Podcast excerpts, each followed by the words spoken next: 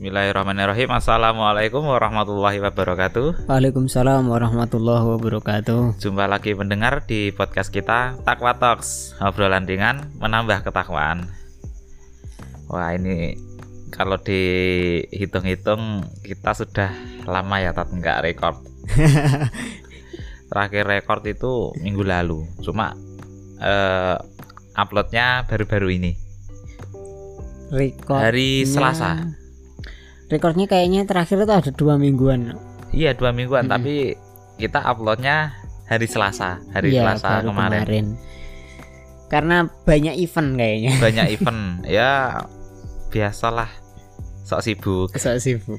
Kan kita Bulan. rekaman sama BTPN ya sama BTPN juga dua kali kan. PSBB sama yang terakhir Sama kasih sayang kok kasih sayang. Ini besok ada lagi nih hari Sabtu. hari Sabtu live di UMA di FB Insya Allah di Instagram juga. Temanya ya Allah aku ambiar. Pokoknya kalau kita kolaborasi sama BTPN itu ya temanya yang ambiar berhubungan, ambiar. berhubungan masalah hati. Ya itu sebenarnya cocok sama saya oh iya yang ambiar ambiar itu. Yang ambiar-ambiar. Karena yang pangsa pasarnya adalah eh remaja. iya mayoritasnya remaja ABG yang ada sebagian yang pacaran ada yang udah mulai nggak pacaran tapi kok pengen pengen Pengen, ya. kayak ini kayak hostnya.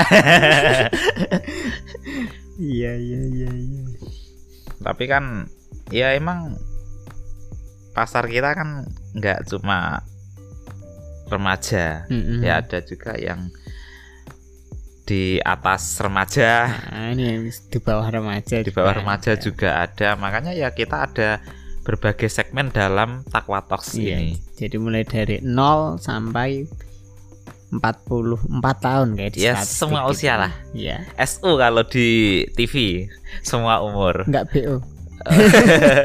BO Bimbingan orang tua. bimbingan orang tua Enggak kita kan mazhabnya pramuka tap Orang bukan. di sini senang di sana senang Oh gitu. jadi ya semua umur lah Iya, kalau kita nggak pramuka karena kita kakak pembinanya. Tapi ya kalau di sini di sini senang di sana senang kan anak-anaknya yang ikut Anak-anak. pramuka. Kita kakak pembinanya.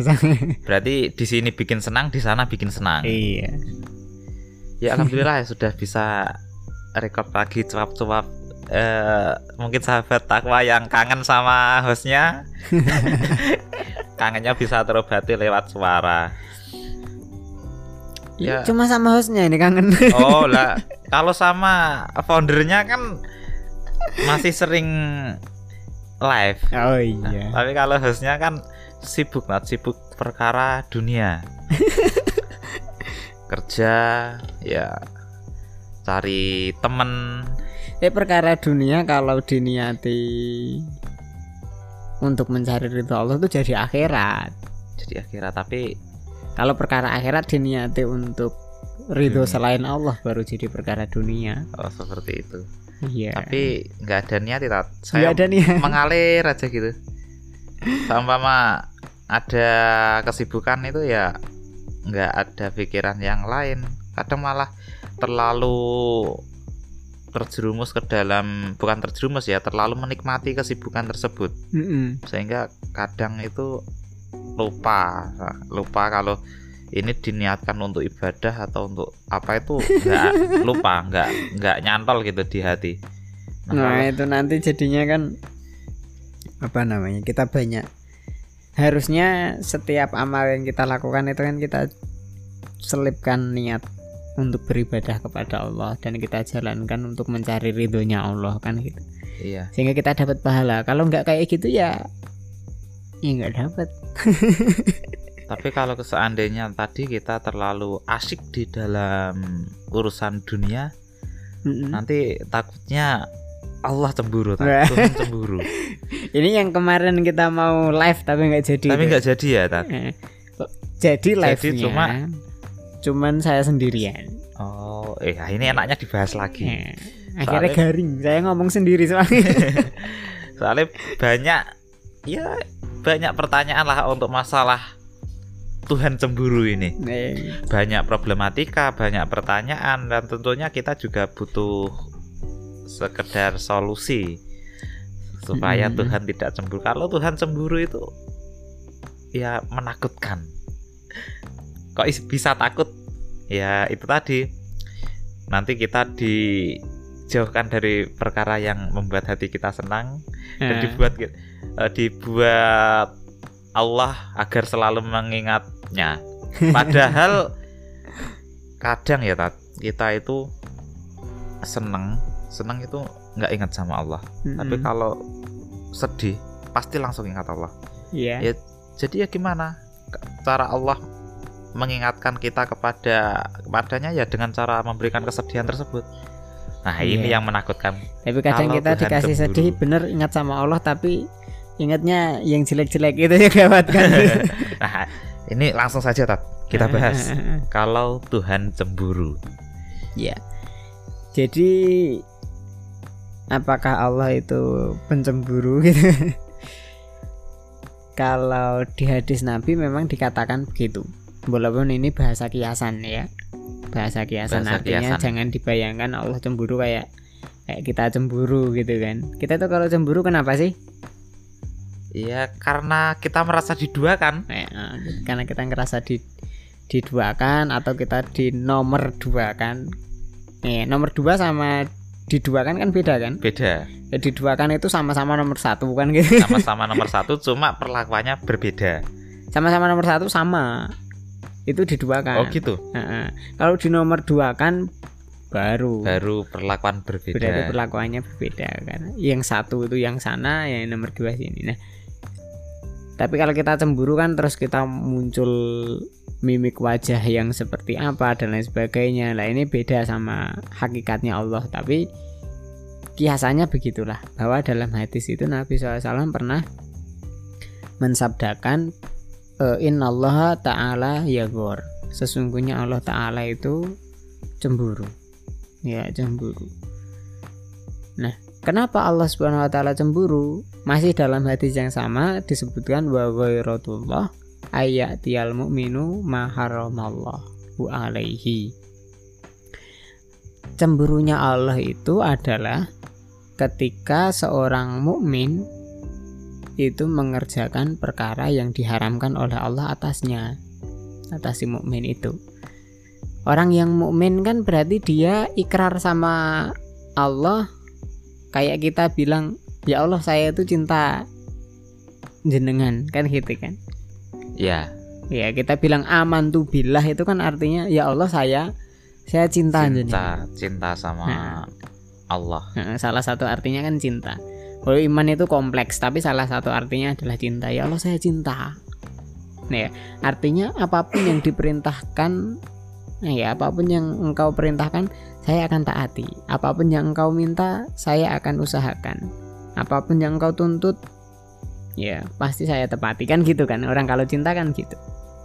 Nah, orang yang mukmin itu dituntut oleh Allah untuk selalu bertakwa menjalankan perintah, menjauhi Larangan. larangan. Nah ya, menjalankan perintah, menjauhi larangan. Lalu kemudian suatu kali orang mukmin ini menjalankan apa yang Allah larang. Maka di situ Allah Subhanahu wa taala murka kan. Ya, oh berarti mana bukti cintamu? Bilang cinta kok malah menjalankan apa yang membuat saya nggak senang gitu loh. Ya menjalankan apa yang membuat saya nggak senang yaitu perkara yang diharamkan nah di situ disebut Allah cemburu ketika orang beriman berbuat seperti itu cuman nggak sesimpel itu sih nggak sesimpel itu kenapa Allah swt cemburu kepada orang yang beriman yang bermaksiat ini ya Orang iman yang bermaksiat. Mm-mm. Orang yang beriman yang melakukan hal yang haram. Kenapa kok Allah cemburu? Kenapa Allah nggak cemburu sama orang yang nggak beriman yang Bermaksiat. bermaksiat gitu loh? Kalian aja kan sama-sama maksiat kenapa yang dicemburui hanya orang yang beriman gini orang beriman itu dia akan ngumpul bersama orang-orang yang beriman, Beriman. juga ya jadi manusia itu ngumpulnya adalah sama yang setipe ya setipe orang iman ngumpulnya sama orang iman orang ahli maksiat ngumpulnya sama ahli maksiat orang kufur ngumpulnya sama orang kufur. Gitu setipe ya. Karena satu misi satu visi kan ngumpul dia. Ngumpul. orang beriman ketika ngumpul dengan teman-temannya yang beriman itu itu kan terjadi kesolehan yang sifatnya ijek timai atau soleh soleh apa ya istilahnya soleh kumpulan dari orang-orang Soleh gitu. menular. soleh menular ya wes pokoknya gitulah ya. bisa dipahami ya Bisa bisa.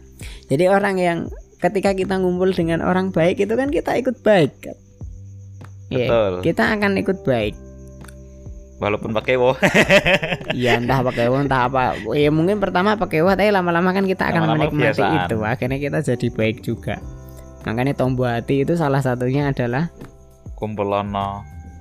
Wongkang soleh kumpul. soleh. kumpul ono, ya kan? Berkumpul dengan orang soleh itu salah satu obat bagi hati. Kenapa?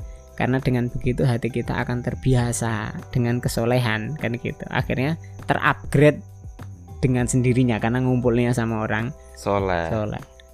Diibaratkan kalau kita kumpul sama eh, tukang jualan parfum ya baju kita dikit-dikit tetap kena Parfum. parfum Wangi. wangi gitu kan.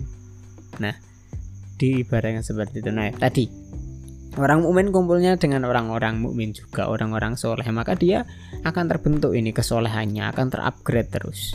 Ya akan terupgrade terus. Sehingga ketika bersama orang ketika kumpul dengan manusia itu hampir-hampir minimal sekali atau mustahil bahkan potensi seorang mukmin akan bermaksiat.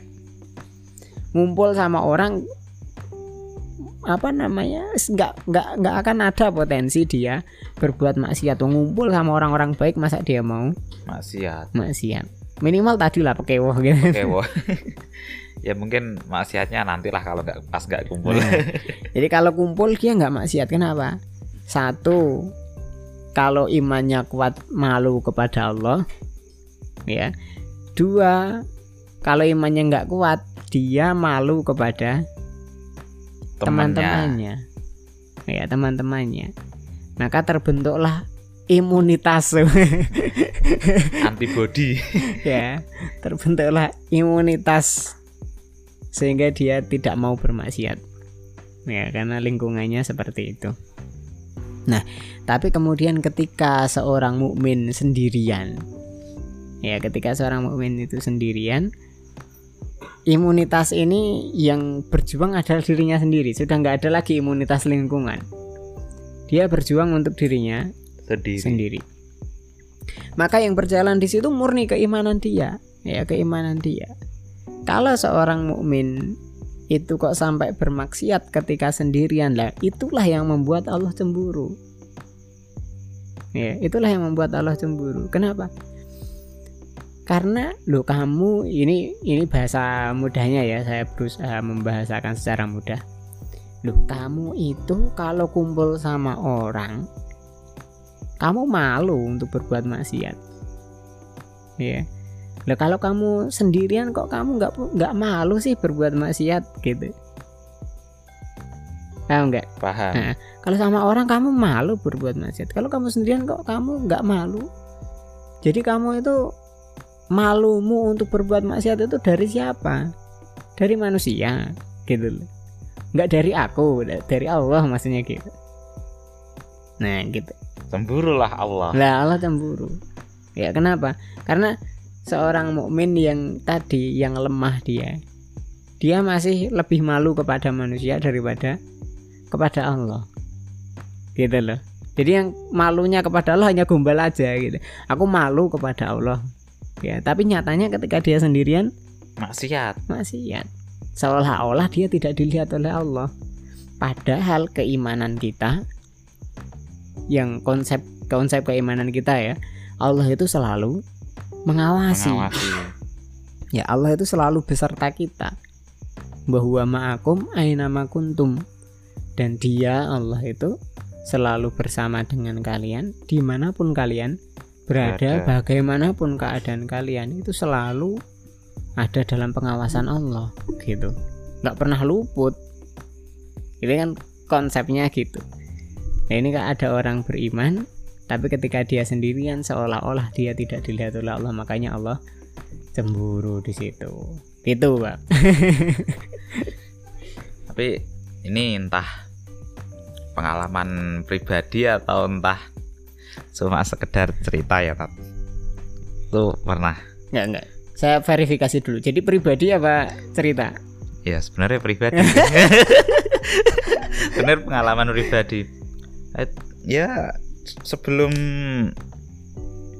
ilmu itu masuk kan dulu juga saya pernah ya namanya kan pacaran sih tapi ya sekedar deket lah sama akhwat itu sampai-sampai itu saya pernah di gini ke sama teman saya tuh Mas kalau suka itu jangan berlebihan nanti Allah cemburu loh Iya. hal seperti ini sering terjadi Tat. bahkan sering disebutkan kan kalau laki-laki itu sering lalai karena wanita Iya. Nah ini Tat, cara kita supaya tidak membuat Allah itu cemburu.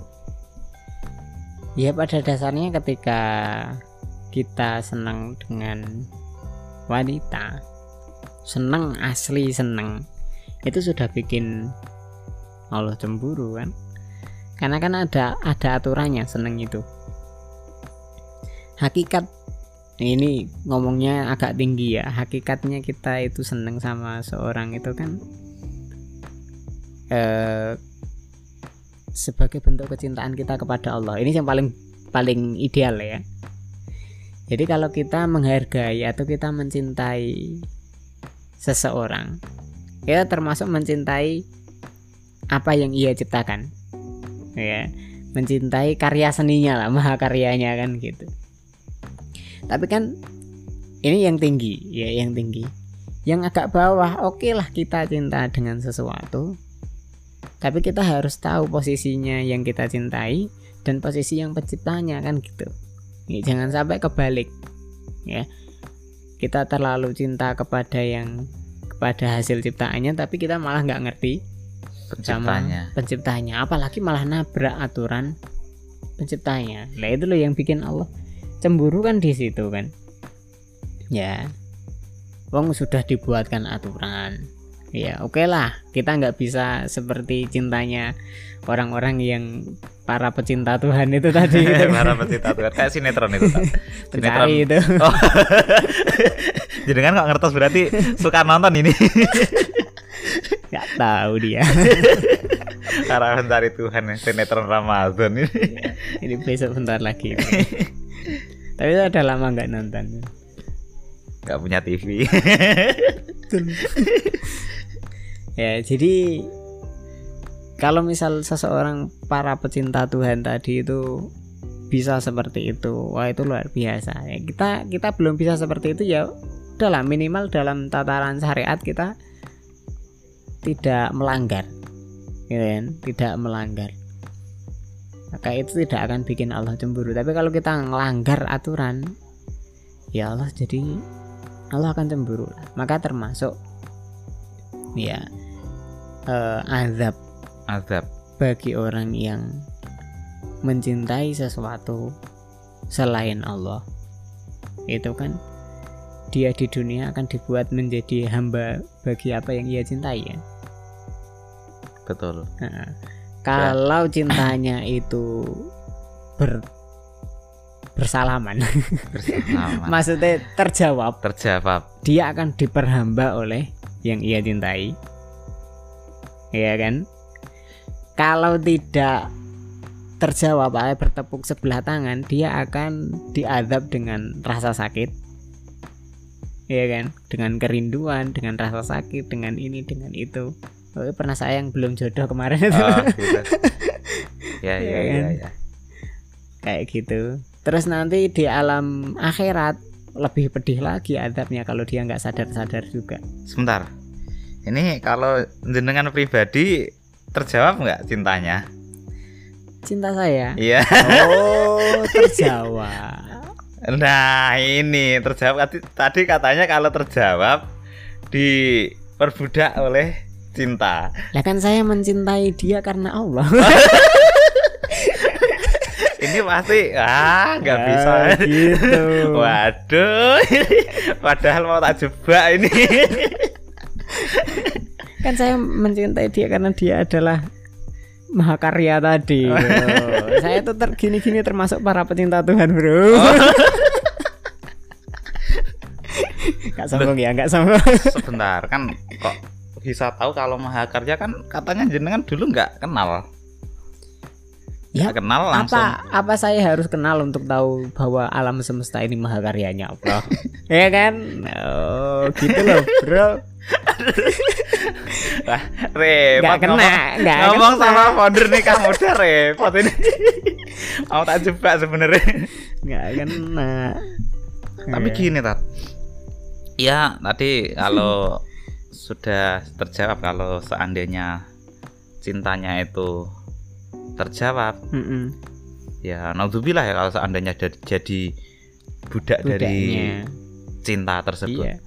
Makanya Tapi- jangan jangan sampai ketika kita cinta sesuatu itu kita letakkan dia sejajar dengan cinta kita kepada Allah Allah. Apalagi lebih.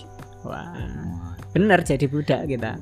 tapi untungnya saya nggak jadi Eh. karena Allah sudah terlanjur cemburu jadi Ah, ah. kamu nggak usah sama dia sama aku dulu saja cintai aku Oh, dulu gitu. Luar biasa Ya, cinta masalahnya masih stalking enggak? ya kadang kalau muncul di beranda ya tak stalking sekalian Kalau masih iya berarti masih adab itu. aduh aduh azab kok berkali-kali Jadi adabnya macam-macam. Kalau kalau tepuan berarti diperhamba, kalau bertepuk sebelah tangan diadab dengan rasa sakit. Itu sampai kita benar-benar tahu bahwa ya hanya Allah tempatku kembali gitu. Kayak lagunya Afgan. aduh aduh Eh, kalau kita Masalah- sudah kembali, hanya Allah tempatku kembali ya sudah aman. masalahnya gini tat kan eh, Rasulullah itu pernah bersabda barang siapa tidak bertegur sapa atau memutuskan tali silaturahmi itu bukan termasuk hambaku. Nah, ini yang menakutkan tat. Saya masih berteman di FB di Instagram juga masih cuma nggak ada WA nya sih. Lah ini biasanya muncul di FB nih muncul di Iya. berandanya wah ini yang bikin nyesek ya ini. Ya, itu namanya mempolitisir ayat dah itu. mempolitisir ayat ya itu. lah gimana tat boleh berarti di blok Ya udah, kalau hatimu rapuh blok Oh, aja. iya, rapuh, rapuh banget sih Ya Allah, kenapa engkau cemburu kepadaku sehingga mengazabku seperti ini? Kamu sih berulah kan. Jadi gitu. Nah, eh, back to the topic ya, kembali ke topik Kembali kita ke tadi. topik. Eh, puncak daripada agama seseorang itu dalam agama kita kan istilahnya ihsan. Ya, Ihsan. ihsan. Pintunya yang pertama kan Islam. Ya kan, Islam.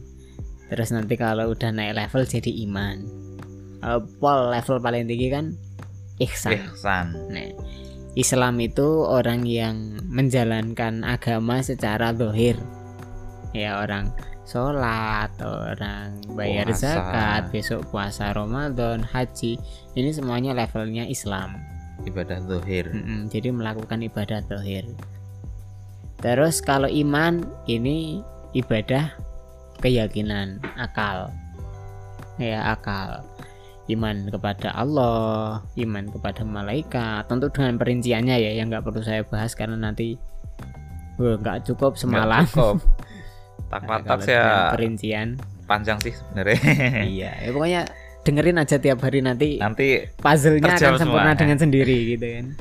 Terus yang paling tinggi tadi adalah ihsan. ihsan Nah, yang paling tinggi adalah ihsan. Ihsan ini sudah hatinya seseorang nggak ada yang lain kecuali hanya Allah gitu. Makanya ada perkataan apa namanya? Mafi kolbi ghairullah. Tidak ada yang dalam hatiku kecuali hanya Allah. Allah. Itu orang yang sudah ihsan.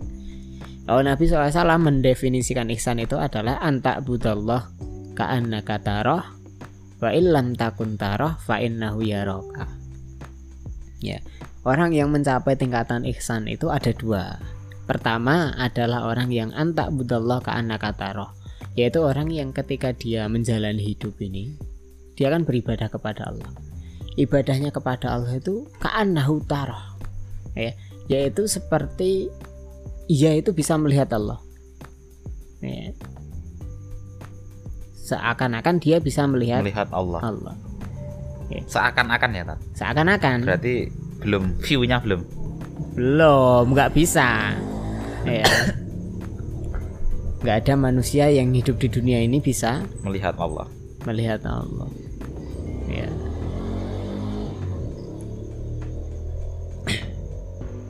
Baik, iklan tadi. nah, ada iklan. Backsound lah. Baik. Ya, jadi nggak ada orang yang bisa melihat Allah di dunia ini. Ya dengan mata kepalanya itu nggak bisa. Kalau ada orang yang bilang kayak gitu pasti pendusta. Ya pasti pendusta. Nggak ada. Kayak lagu Nah. dangdut ini. Oh pendusta. Ya. Bang Tama ini. Tapi kita bisa melihat Allah dengan mata hati kan artinya melihat artinya di situ adalah merasakan eksistensinya gitu loh nah orang yang ihsan tingkatan paling tinggi tadi adalah anta budallah ka anak yaitu orang yang beribadah kepada Allah seolah-olah dia itu bisa melihat Allah. Allah Jadi Allah itu selalu hadir dalam dirinya, dalam kehidupannya. Jadi ngelakuin apa pun dia bisa ngerasakan eksistensi Allah. Ya. Dalam berbuat ibadah dia bisa ngerasakan eksistensi Allah. Itu paling tinggi. Nah, kalau nggak bisa kayak gitu karena itu susah. Nggak semua orang bisa.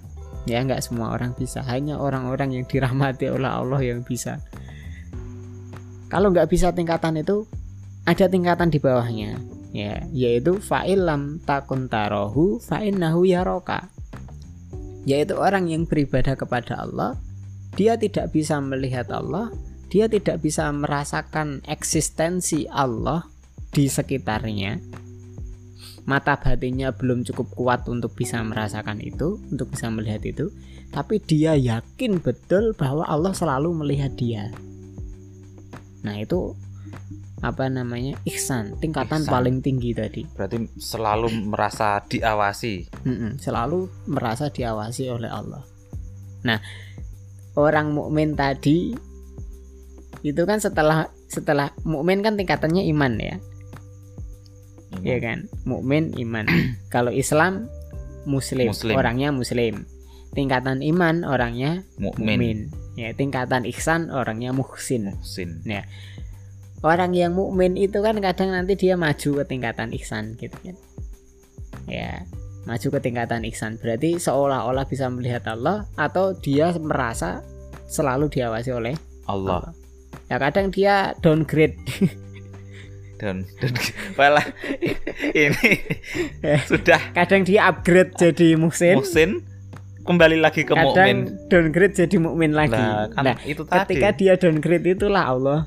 Cemburu. Biasanya downgrade-nya itu pas sendirian enggak ya tat. Kadang tergoda sama akhwat juga downgrade tat. Ya gitu dia kan pas sendirian kan? Oh iya iya Nah, betul. Coba pas ada orang, nggak berani dia, nggak berani nggak berani. Dia, eh, malu, eh, masa udah eh, hijrah gitu kan kalau orang sekarang. Masih pacaran gitu kan. Tapi ketika sudah terputus dari dunia luar, masuk ke dalam sosial media, ya itu downgrade itu. Apalagi Padahal- didukung dengan end to end encryption. Iya, nggak nggak terbaca ini. Nggak ada peretasnya udah end to end encryption gitu kan, udah dia. Tapi ternyata udah end to end encryption masih di screenshot dan disebarkan di media sosial. Ya itu. Kayak teman saya itu Ya, j- jadi seolah-olah WhatsApp memberikan fasilitas end to end itu nggak ada artinya lah Iya, kan gimana ada. screen kirim grup screen buat story. Ya ukti. Kan gitu. Ini orangnya belum sadar nih Tat. masih bergelut sama dunia maya. Ya semoga kita sadar aja. Yang penting kita sadar lah masalah sadar masalah dulu. orangnya sadar apa enggak ya nanti biar saya sadarkan saja ya jadi gitu. Ini eh, tadi Wak, kalau kita sudah sampai tingkatan paling tinggi musim tadi itu ketika kita bisa melihat Allah seolah-olah bisa melihat Allah atau kalau tidak seperti itu kita selalu bisa merasa yakin bahwa kita itu selalu diawasi oleh Allah. Nah, ada istilah yang bagus kemarin waktu awal-awal COVID itu loh. ODP, ODP orang dalam pantauan orang dalam pantauan. orang dalam pengawasan ding Ya, itu kita tuh kayak di diingetin sama Allah gitu kan. Kamu tuh nggak tahu apa kalau kamu setiap hari itu ada dalam pantauanku gitu kan. Kayak kalau kita masuk ke dalam minimarket terus di situ ada tulisan toko ini atau minimarket ini diawasi oleh CCTV 24 jam. Itu mau ngapa-ngapain juga kan mikir kan. Ya kan? Karena kita merasa diawasi. Nah kalau kita membawa prinsip itu dalam keimanan kita dalam alam iman kita kita bisa jadi orang yang ihsan. Ya orang jadi orang yang ihsan. Kenapa? Karena kita selalu merasa dia diawasi. Tapi kalau kita nggak mau membawa konsep itu ke dalam ama ke dalam alam iman kita ya kita akan selalu seperti ini gitu kan. Seenaknya sendiri. Kalau ngumpul sama orang soleh. Soleh. Kalau sendirian balik lagi. Soblek ya ngumpul sama orang soleh lagi. Nanti sendirian.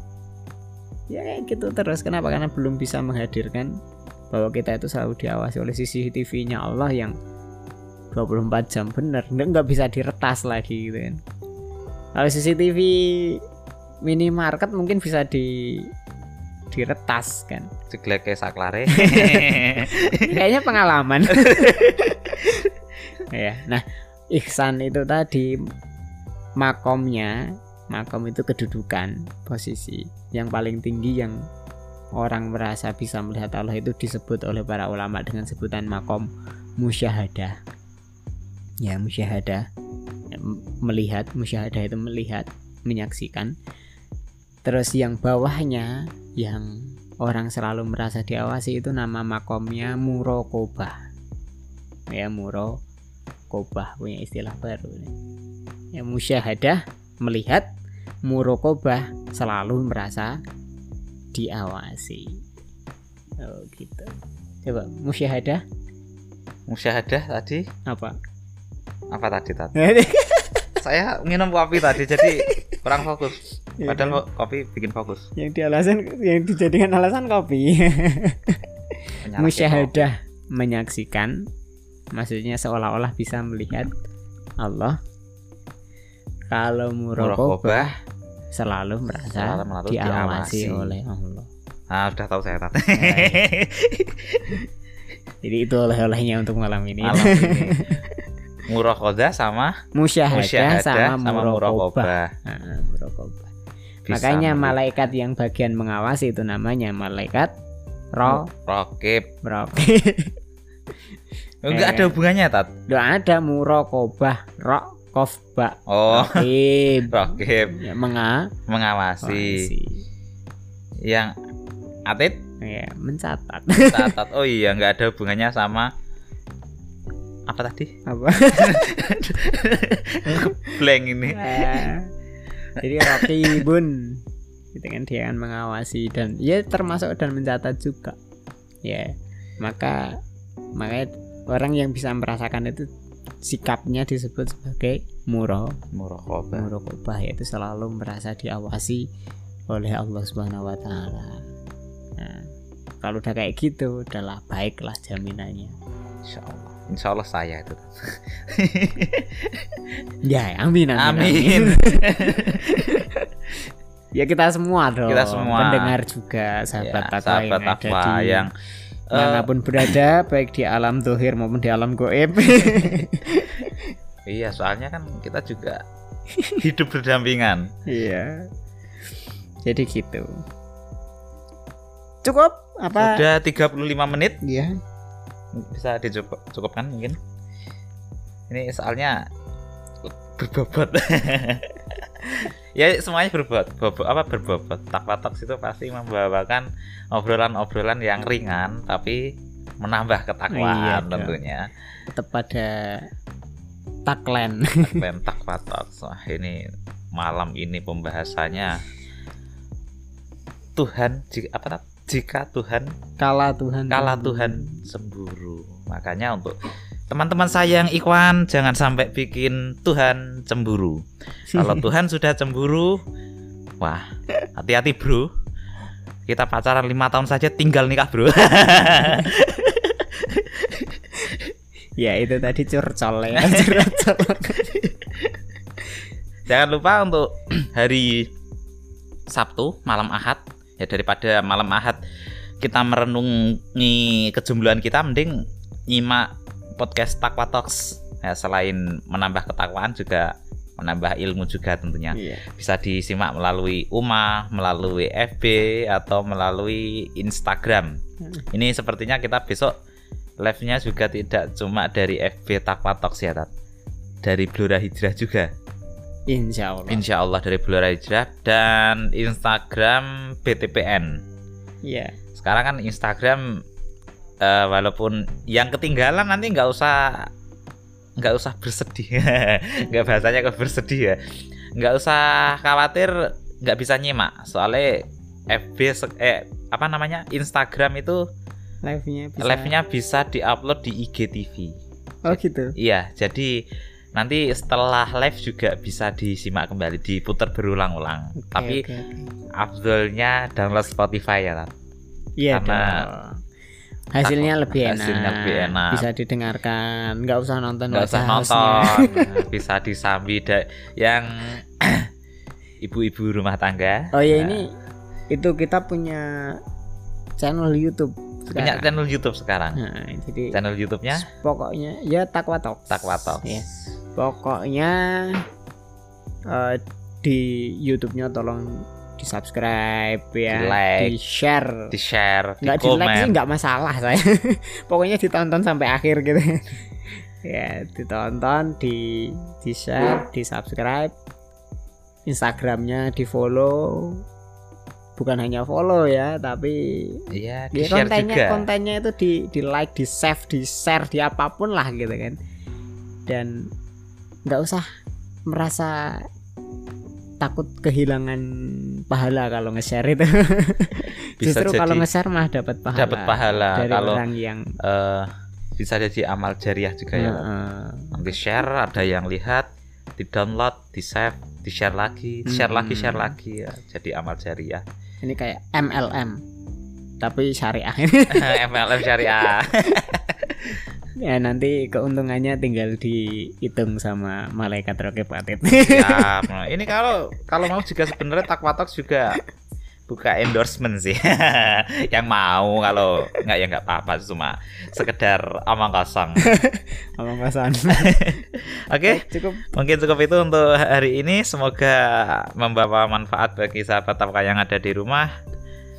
Kita akhiri obrolan malam ini. Tet- Tetap stay tune di podcast kami Takwa Talks, obrolan ringan menambah ketakwaan.